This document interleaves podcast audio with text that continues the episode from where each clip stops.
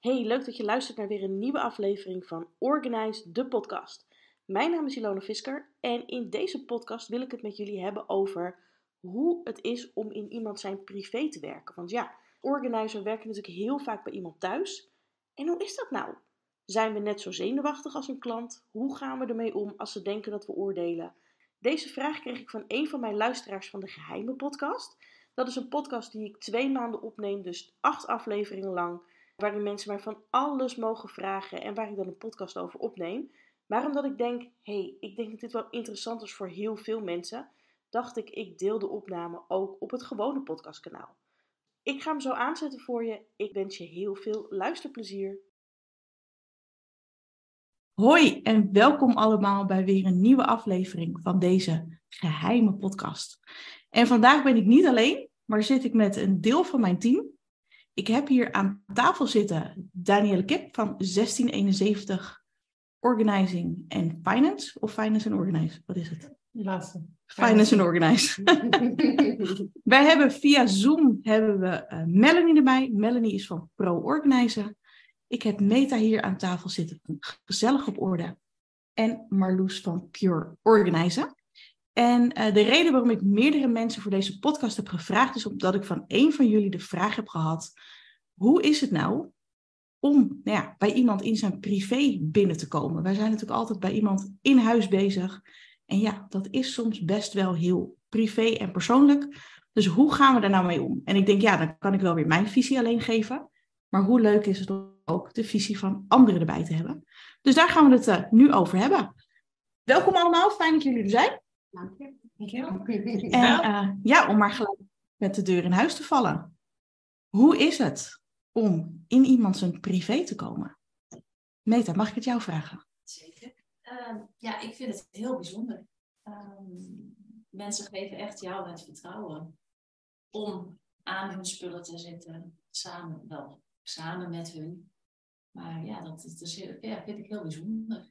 Maar ook heel mooi dat je dat kunt doen en iemand daarin kunt uh, ondersteunen. Ja. Weet je de eerste keer nog? Ja, dat weet ik nog. Was je zenuwachtig? Ik was zeker zenuwachtig. Ja, het was bij een vriendin, dus dan zou je denken, oh, dat is helemaal uh, relaxed. Maar uh, nee, zeker. Je, bent, ja, je weet gewoon niet wat je tegenkomt en wat iemand zijn reactie daarop zal zijn. Dus ja. ja, dat onthoud je. Zeker. Ja, grappig dat het dan ook bij een vriendin ook nog zo spannend en misschien nog wel spannender is. Ja, achteraf gezien misschien wel. Ja, ja. dat dat juist nog een extra uitdaging was. Ja, terugkijkend nu. Ja, precies. Ja. Marloes, hoe was dat voor jou? De eerste keer dat je nou ja, bij iemand over de vloer kwam in nou ja, de hoedanigheid van professional organizer. Ja, ook spannend. Wat Meta zegt, dat is wel herkenbaar. Mensen laten je natuurlijk niet alleen in je huis, maar ook echt letterlijk in hun spullen. Dus dat is wel echt privé, privé. Dus je wilt dat ook goed doen en respectvol. En um, ja, hun ook op een gemak stellen daarover. Want het is oké, okay, ik heb er geen oordeel over. Dus ja, dat was ik denk vooral mee bezig. Met van hun op een gemak stellen. Terwijl je het zelf ook spannend vindt. Maar ook het belangrijkste, dat hun het oké okay vonden. Ja. ja. En vonden ze het oké? Okay? Ja, gek genoeg wel. En hoe verder je ging, hoe makkelijker het ook ging. En ik deed ook aan het begin niet de spullen zelf bijvoorbeeld vastpakken, maar echt hun dat zelf laten doen. Eruit laten halen, het zelf uh, ergens leggen. Of, en later merkte ik dat er dan meer ruimte komt dat jij dat dan ook mag doen. Maar dat zijn toch wel weer een beetje twee verschillende stapjes. Ja. Zeg maar, ernaar mogen kijken of het aanraken. Ja, ja dat... Ja, Mooi. Dus dat, uh, ja, zeker. Dank je. Hoe was het voor jou, Melanie? Uh, intiem. Uh, merk dat je uh, op het moment dat je bij mensen komt, dan uh, vind, ja, zijn ze zelf erg zenuwachtig en heel erg bezig met, oh, sorry, sorry, sorry voor de spullen. Zich heel erg aan het verontschuldigen. Ja, ja, je komt eigenlijk, zoals Marloes ook zegt, zonder oordeel. Maar zij zien dat in het begin nog niet zo. En uh, dat vind ik zelf misschien wel het moeilijkst. Dat ik denk, ja, ik, het maakt mij niet uit hoe jouw huis eruit ziet. Ik ben hier om jou te helpen. En om samen te kijken hoe we het beter kunnen doen. En uiteindelijk denk ik dat zo in een verloop van een gesprek ook dat wel een beetje die last of zo van hun schouders valt. En het, ja, dan ook gewoon relaxter wordt in de omgang. En voor jou, Danielle, jij hebt natuurlijk behalve spullen dat je ook veel in mensen hun papieren en financiën zit. Is dat Ja. anders? Ik denk dat dat nog wel meer privé is voor de mensen. Kijk, spullen zijn spullen. Eh, praten over geld gebeurt gewoon niet. En het is sowieso al een, een drempel die ze over moeten gaan. Natuurlijk, al willen ze natuurlijk voor hunzelf al bevestigen van ik heb schulden, geldproblemen, ik kan niet met geld omgaan, ik heb gefaald. Dus dan is het al helemaal natuurlijk voor die mensen een, een stap om nou ja, dat inzicht te krijgen en dan om daar ook dan nog hulp voor in te schakelen. Ja, en voor de een is 1000 euro schuld al veel en voor de andere ja, 5000 of of meer. Ja, of die zegt, ah, het is niet zoveel, het is maar 15.000 euro. Ja, of eh, nou ja, ik heb niet veel post, want ik krijg geen post. Ja, dan denk ik, dat vind ik knap. Maar dan hebben ze bijvoorbeeld eh, alles gewoon weggegooid. En... Denk je dat ze ook nog wel dingen voor je verstoppen? Uit schaamte? Of maak je dat eigenlijk niet zoveel mee? Nee, dat, dat denk ik niet. Kijk, in principe ontbreken er wel natuurlijk altijd eh, gegevens. En ja, dat, dat komt dan wel weer boven water. Maar het is in principe gewoon meer dat ze het zelf ook niet eens weten, volgens mij, wat er bijvoorbeeld on, ongeopend is. En, Ja, dus ook, ja, ook daar het gebrek aan totale overzicht. Ja, eh, ja, van de- facturen komen en per e-mail en per post. Dus ja, overal is dan een, een chaos bij die mensen. En lukt het dan om naar financiën eh, net zo oordeelloos te kijken als naar spullen? Ja. Kijk, en mensen vragen wel eens aan mij van, joh, ik heb dan ook mensen onder beheer van, ja, ze roken, ja, maar wat maakt mij het uit wat ze bijvoorbeeld met hun weekgeld doen? Al kopen ze een brood en eh, een slos check, ja, dat maakt mij niet uit. Het is hun eigen geld, dus ze mogen ermee doen en laten wat ze willen. En dat vertel ik ze ook wel. Ja. Dat, dat ik daar niet over oordeel wat ze ermee kopen. Ja, ja, daar zit natuurlijk, eh, dat heb ik zelf ook wel gemerkt, best wel een, eh, een drempel voor mensen. Niet alleen om ons binnen te laten. Maar ik kan me nog heel goed herinneren dat ik ooit een keer een dame had die mij benaderde. Ehm, dat was zowel voor financiën als voor spullen, dus allebei. En ja, die ging eerst vragen, want zij kwam ook uit horen, net als ik. En dat ze eerst zei, ja, maar ik wil eerst weten, waar gaan jouw kinderen naar school? Waar doe jij je boodschappen? En in welke winkels ben jij als je in de stad bent? Hè, wat, wat zijn je vrije dagen en wanneer zou ik je in de stad tegen kunnen komen? Want die had zoiets van, ja, maar als ik dan opeens bij de Action met mijn mandje vol loop... Of iets onzinnigs heb gekocht, ehm, ja, weet ik het waar in de stad of in de supermarkt... dan wil ik niet jou tegenkomen dat jij in mijn mandje kijkt en denkt van... oh, sukkel, bijna, waar ben je mee bezig? En dat is heel grappig, want ik heb daar nooit bij stilgestaan. Dat ik denk, ja, net als wat jij zegt met zo'n slof sigaret of zo... ja, moet je lekker zelf weten. Ja. Maar dat is toch wel heel grappig dat, eh, ja, dat mensen zich daar inderdaad wel heel erg bewust van zijn.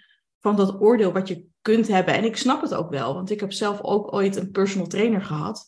Ja, en als ik die dan in de supermarkt tegenkwam en ik had net een diepvriespies aan mijn fiets en mijn mandjes gestopt. Dan dacht ik ook, nou, ik wacht hier wel even in het gangpad totdat hij bij de kassa weg is. Omdat ik dan ook geen boodschappen durf te doen. Dus ik snap wel hoe het, hoe het is. Maar ja, dat stukje zonder oordeel, ja, dat kun je ook niet, niet genoeg benadrukken. Denk ik. Absoluut. Ja. Ja. Ja. Ja, wendt het ook dat je zegt het wordt steeds makkelijker om bij iemand thuis te komen? Of is iedere situatie weer net zo spannend? Of... Meta? Dat het anders is. Ja, je krijgt uiteindelijk, vind je daar wel je ontspanning in. Hè? Omdat je, ja, ik wil het niet per se routine noemen, maar je hebt gewoon je stappen die je doorloopt. En bij iedereen is het natuurlijk weer anders. Maar je vindt daar wel een weg in. Ja. En eh, ja, dat. Ja.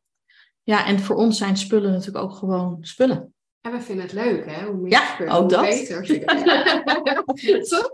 Zeker Dan zo. weten mensen van, oh, het is een zooitje. Nou, mooi, want dan Ja. kunnen wij ons ding doen natuurlijk, hè? Dan heb je resultaat. Juist, ja. Hoe leuk het resultaat. Ja, Ja. ja, eens. Zijn jullie wel eens hele gekke dingen tegengekomen? Nee, niet echt gek. Maar meer wel van dat je gelijk merkt welk stuk mensen het lastig vinden om weg te doen. Dat ze bijvoorbeeld heel erg hechten aan boeken. Ja. Want dan, de rest gaat heel makkelijk en dan wordt er gestaakt bij de boeken, zeg maar. Dan wordt het ineens tempo lager, meer nadenken. Ze heel goed denken, wat moet ik nu, strubbelen. Ja. Dus dat wel. En hoe ga je daar dan mee om? Ja, dan, dan begeleid je ze meer. Van waar, wat de reden is waarom ze dat houden. Is het de reden omdat je het lastig weg vindt te doen? Of is het echt omdat je het nog gaat gebruiken? Of, of echt een hele mooie herinnering, hè? Sommigen Ja. natuurlijk. Je hoeft niet alles weg te doen natuurlijk, hè? want dat moet ook even duidelijk eh, zijn. Ja, ik denk dat het ook een hele goede is Ja, om de nadruk op te leggen dat als wij komen, dat niet alles weg moet. Nee, helemaal niet. Je moet gewoon houden waar je blij van wordt. Dat is Zeker, belangrijk. ja. Ja, zou ik denken.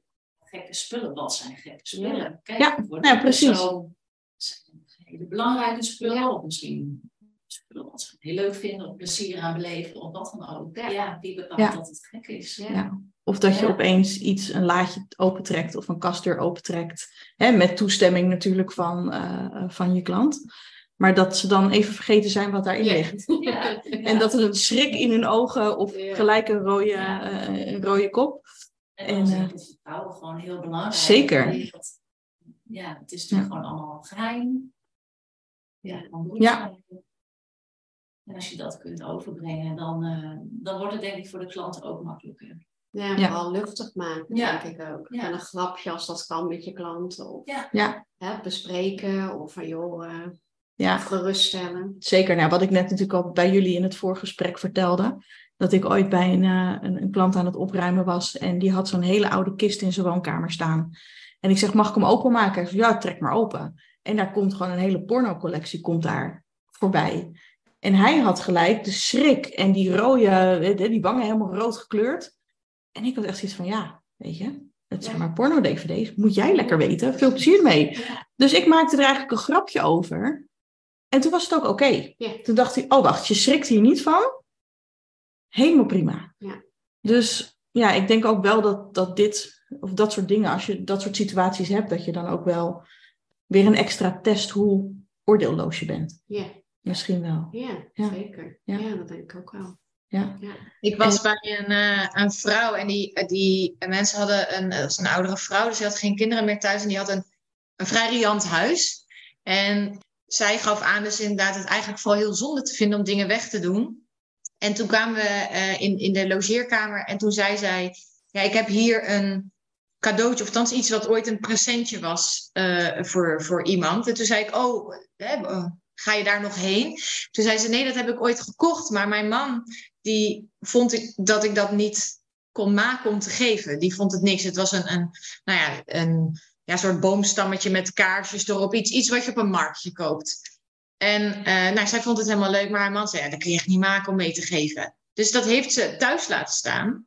En ze zei, ja, dat staat hier nu al vier jaar. En toen zei ik, oké, en wat ga je ermee doen? Toen zei ze, ja, ik durf het nu aan niemand meer te geven. Want, Oh, niks, ja. Maar ze zegt, ja, ik vind het ook zonde om weg te gooien. En eh, nou, uiteindelijk heeft ze, het, eh, heeft ze het naar de kringloop gebracht. Zei ik, joh, breng het naar de kringloop. Hè? Daar, daar, daar wordt iemand anders gelukkig van.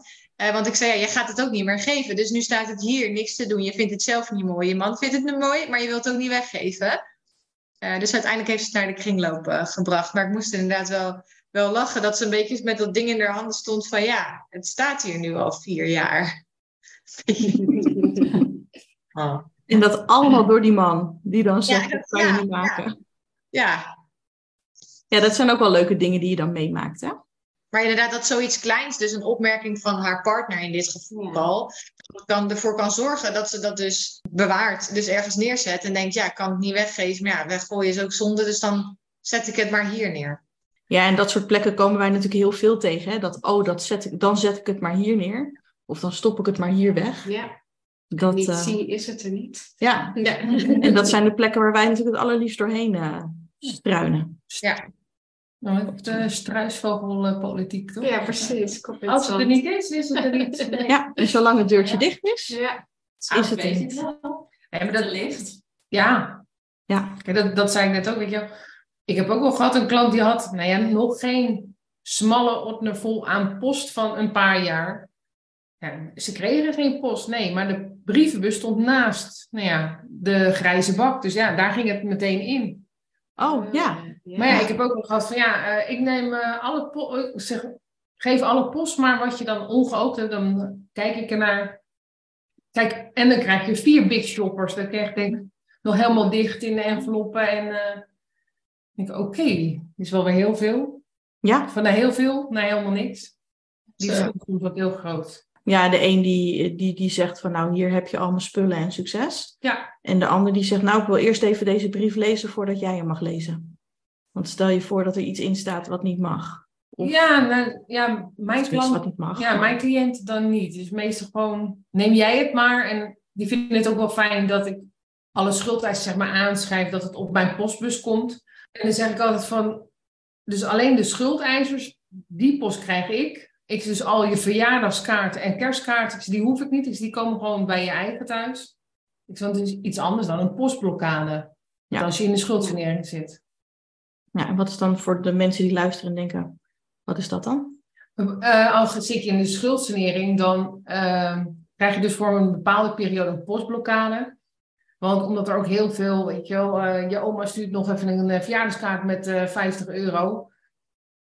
Ah. Die krijgen ze dan, gaat natuurlijk dan ook naar de, schul, eh, naar de Ja. windvoerder. Dus dan krijgen ze uiteindelijk alleen het kaartje nog en die 50 euro Ja. gaat op de hoop. Want voor die de- op de hoop voor de schulden. Ja, oké, helder. Helder. helder. Ja. Willen jullie nog iets kwijt over dit onderwerp? Want ja, deze podcast wordt natuurlijk gehoord door mensen die of net gestart zijn als organizer, zich misschien nog aan het oriënteren zijn en denken, oeh, toch wel spannend zo'n, eh, hè, het idee om bij anderen binnen te komen lopen. Heb je nog... Ik denk dat het ergens ook niet wendt, omdat je gewoon nooit weet waar je terecht komt. Nee. Ik, eh, ik persoonlijk heb ik altijd een ding, ik, ik moet altijd naar de wc. Gewoon, dat is gewoon mijn ding. En ik denk dan altijd, oh, dan ben ik ergens en dan moet ik vragen, mag ik alsjeblieft naar het toilet? Dat vind ik altijd best wel een dingetje. Omdat het ook een soort privé is of zo, een toilet. Ja. Ehm, maar dat je misschien ook wel soms in huizen terechtkomt dat je denkt, ik wil hier liever niet naar het toilet.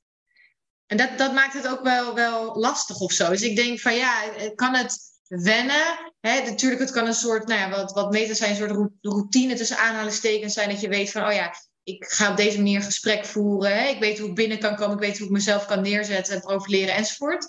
Maar dat het stukje waar kom ik terecht, dat dat altijd een soort grote verrassing blijft. Zeker. Je kan het ook wel een klein beetje voorbereiden met kijken als je de adres weet. Hè, waar, wat voor soort buurt, hoe zijn de huizen. Een beetje op die manier kan je natuurlijk wel een beetje kijken. Dat je niet helemaal vreemd is als je aankomt rijden, welk huis is het. Nee, ik doe het wel even Google, Ja. met, eh, Google Street View even. Ja, precies. Ja. dan kan Maar je hebt dan niet de binnenkant. Dat weet je natuurlijk nooit. Nee, dat weet je niet. Nee. Nee, er zijn zoveel Nee. factoren. Soms hè, Ja. lijkt het misschien op het oog helemaal georganiseerd. Dat je denkt, wat kom ik hier doen? Ja, En dan trek je een kastje open en dan zolder. Denk je, Ja, en dan oké, denk je, goed daar dat was ben. Ja. Ja. Ja, en andersom, dat inderdaad de huizen zo vol staan dat je denkt, nou, hier zijn we wel even bezig. Maar dat dan uiteindelijk de kasten, dat er bijna niks in zit of dat het op zo'n manier is ingericht dat je denkt, nou, Hier zijn we. nog geen ruimte. En dan ga Ja. je goed kijken. denk je, wauw, wat is het? Het is gewoon hartstikke mooi. Ja. Alleen ja, het is niet eh, optimaal benut. ja, precies. Het is natuurlijk niet altijd een teveel aan spullen. Nee, zeker Soms ook gewoon hoe, hoe, ja, hoe onhandig het af en toe En dat is eh, misschien ook wel is. goed. Ja. Dat mensen denken, oh je moet minimaal je huis half vol hebben staan om ons in te, in te in schakelen. te schakelen, zeg maar.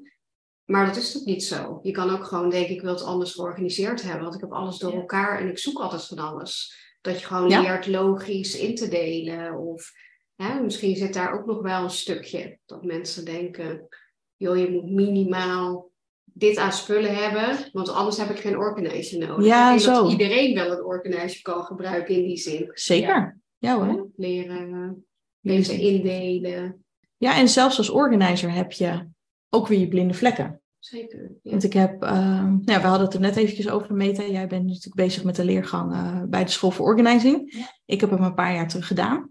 En ik weet niet of je het al hebt gedaan, maar ergens in de blokken zit ook dat je bij een collega of een klasgenoot in, in deze eh, gaat organizen. En dat hij of zij dan bij jou komt. En ook dat is grappig, om dan te merken dat, nou ja, dat jij als organizer, terwijl je altijd bij, bij anderen bezig bent, eh, dat je dus thuis ook gewoon je eigen blinde vlekken hebt. Ja, zeker. Dus dat wij ook niet, en dat is natuurlijk ook wel een misverstand, eh, dat heel veel klanten denken dat wij perfect zijn en in van die perfect gestelde toonzalen bijna wonen. En dat alles bij ons op orde is en dat we nooit wat vergeten. Niet. Om die mensen eventjes uit de droom te helpen. Nee, zeker niet. Nee, nee. hoor, niemand.